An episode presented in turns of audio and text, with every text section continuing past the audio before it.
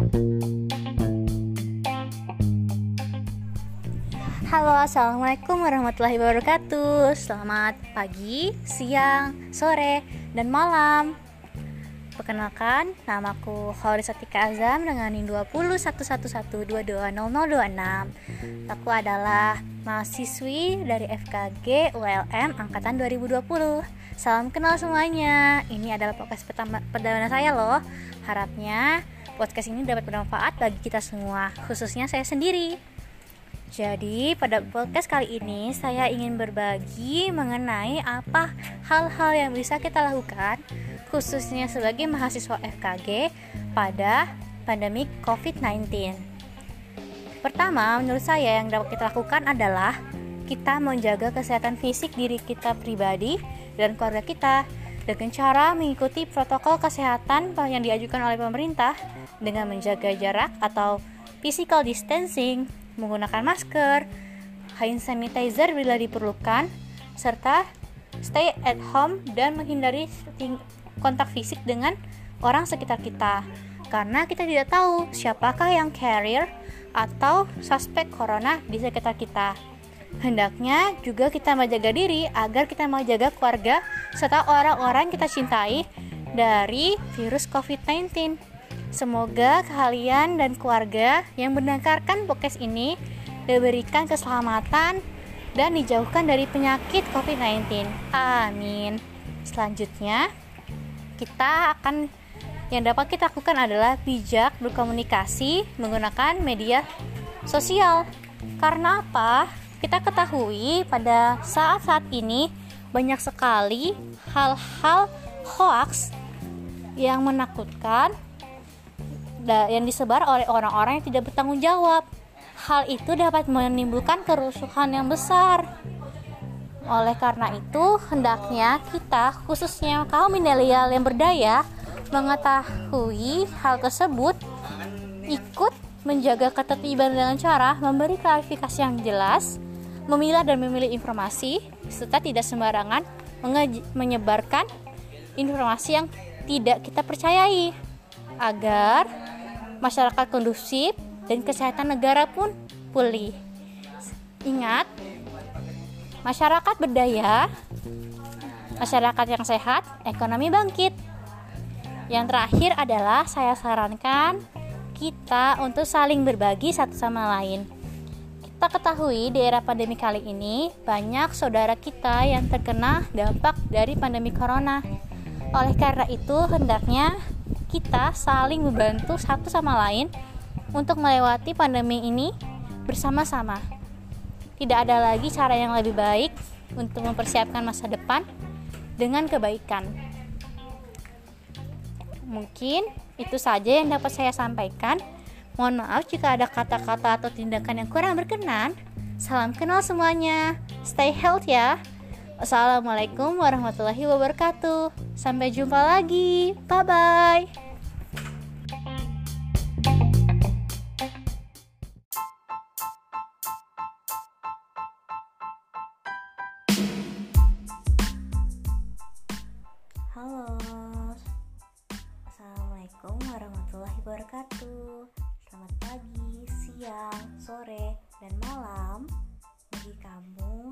Lagi dengarkan podcastku ini.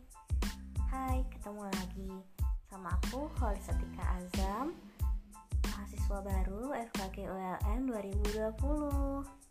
Semoga sehat-sehat selalu ya.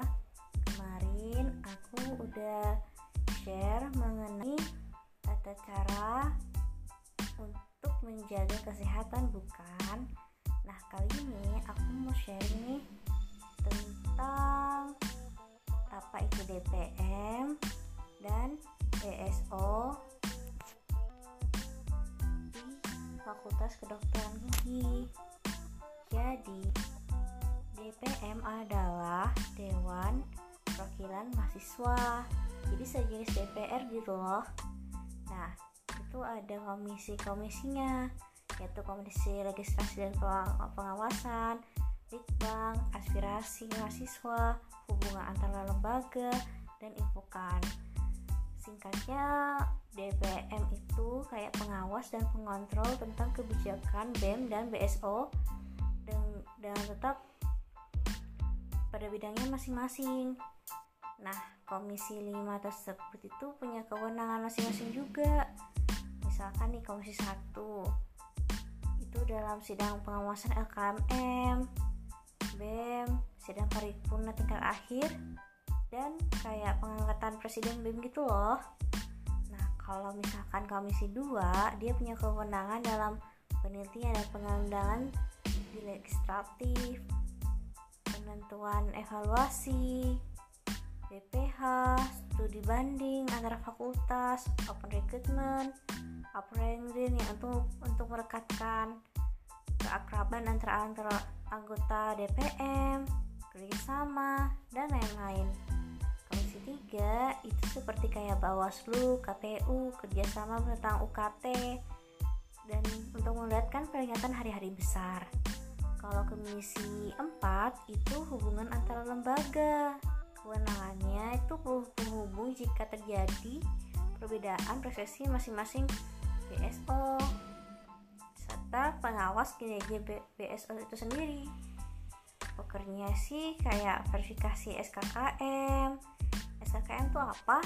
Itu loh yang buat kita bisa wisuda atau tidaknya dengan mengumpulkan sertifikat-sertifikat administratif, rapat evaluasi ormas, dan verifikasi WSO.